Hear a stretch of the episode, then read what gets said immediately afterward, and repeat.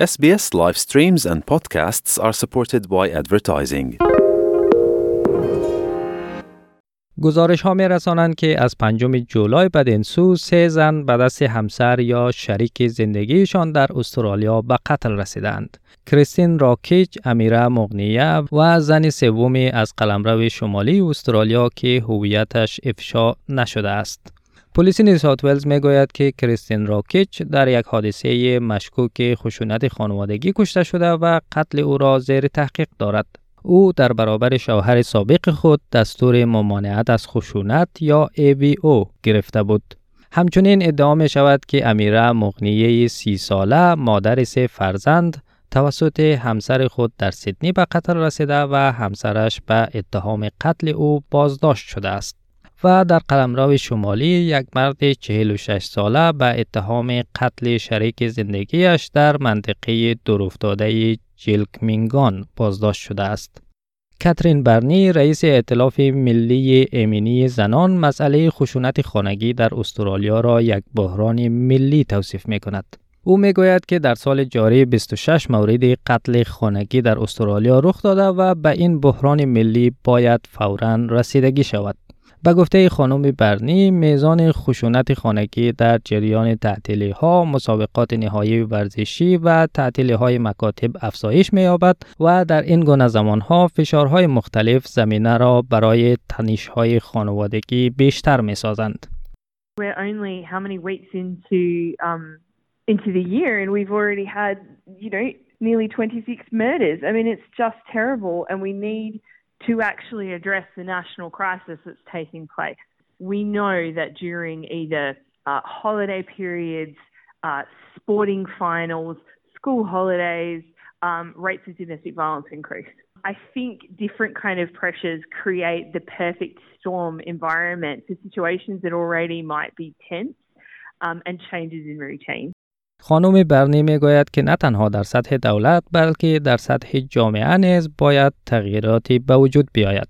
به گفته او در سطح دولت تغییرات قانونی مثبتی در حال رخ دادن هستند اما واقعیت این است که ما در کنار تغییرات قانونی به تغییر فرهنگی هم نیاز داریم و در غیر آن تغییر قانونی به تنهایی کاری از پیش نخواهد برد.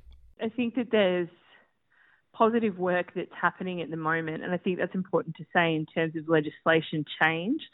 So there's a need to change legislation to be fit for purpose, particularly when we're looking at sexual violence, family law reform.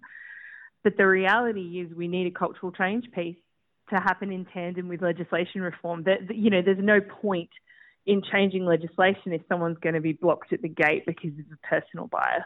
داده های اداره احصایی استرالیا نشان می دهند که بین سالهای 2021 و 2022 25 درصد زنان و 12.5 درصد مردان استرالیایی توسط شریک جنسی یا یک عضو خانواده خود مورد خشونت قرار گرفتند. کرن ویب کمیسر پلیس نیوزات ولز این مسئله را اپیدمی خشونت خانگی نامیده و می‌گوید که افسران آنها در طول دوازده ماه گذشته روزانه به 400 تماس مربوط به خشونت خانگی پاسخ دادند. با این حال دایلی نماینده مستقل مجلس فدرال از نیروی پلیس انتقاد می کند و می گوید که زنان و خانواده هایی که از خشونت خانگی فرار می کنند به سرپناه و منابع کافی دسترسی ندارند. خانم لی به نیوز گفت که از نظر وی پلیس از توانایی مقابله با این موضوع برخوردار نیست و افزایش در تماس زنانی که مورد خشونت خانوادگی قرار دارند ممکن است به این دلیل باشد که سطح آگاهی بالاتر رفته است. اما ریشه مشکل در جامعه باقی است. From my perspective, the police force is still ill equipped to deal with this. Uh, there's been obviously the great thing is that we have now focused on domestic violence, so people can talk about it, and women can make those calls. So therefore, that's probably why we're seeing, seeing an increasing number of calls. Mm. Um, but it's really our community. Um, we don't have um, uh, resources for women to leave uh, a, a, domestic violence household. Mm. Uh, we have very few of those refuges, and we need to do something more in terms of the government really has to step in to provide this support for women گزارشی که در سال 2021 از طرف مرکز مهاجرت و همپذیری دانشگاه موناش منتشر شد نشان می‌داد که یک سوم زنان مهاجر و پناهنده خشونت خانگی و خانوادگی را تجربه کردند. این گزارش همچنین نشان می‌داد که زنان دارنده ویزه های موقت بیشتر از سایر زنان مورد خشونت خانگی یا خانوادگی قرار می گیرند و متحمل رفتارهای کنترل کننده می شوند. تارنگ چاولر یک فعال ضد خشونت خانگی و کمیسر کمیسیون چند فرهنگی ویکتوریا است. او می‌گوید زنان جوامع مهاجر قادر به دسترسی به خدمات حمایتی نیستند و اگر درباره سوء استفاده و خشونت خانوادگی صحبت کنند جامعه اصلی آن را کم اهمیت جلوه می دهد یا باور نمی کند. به باور او اگر بحث خشونت در این جوامع مطرح شود زنان قربانی و مردان خشونتگر را تبدیل به نماینده جامعهشان می کنند و این مسئله آنها را از مطرح کردن این بحث باز می دارد. They're unable to access support services. If they speak out about domestic abuse and family violence, they're often uh, minimized or not believed um, by the mainstream community. There's also a really difficult situation that they find themselves in, which is they become representative of entire communities. And the men uh, who in those communities who are abusers also become representative of entire communities, which creates this stigma and double bind against speaking out because they don't want further stereotyping uh, and sort of racism directed at those communities because of the men in those communities who choose to be violent. با این وجود امیلی مگوایر مدیر عامل سازمان رسپکت ویکتوریا به آینده آری از خشونت باورمند است.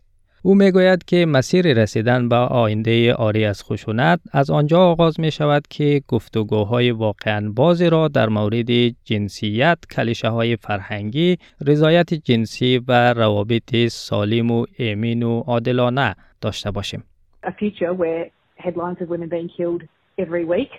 Doesn't exist is possible. We know that a, a future where relationships are safe and equal is feasible and where women don't have to feel like they have to be scared on the street or in their homes. And I think what that starts with is us having really open conversations about gender and stereotypes, about consent, um, uh, and about what healthy and safe and equitable relationships look like. اگر شما یا یکی از دوستان و آشنایانتان می خواهید در مورد خشونت خانگی یا خانوادگی صحبت کنید یا معلومات کسب کنید با شماره 1800 737 732 به سازمان 1800 ریسپکت یا شماره 13 11 14 به خط تماس Lifeline زنگ بزنید. در موارد اضطراری با شماره 30 تماس بگیرید.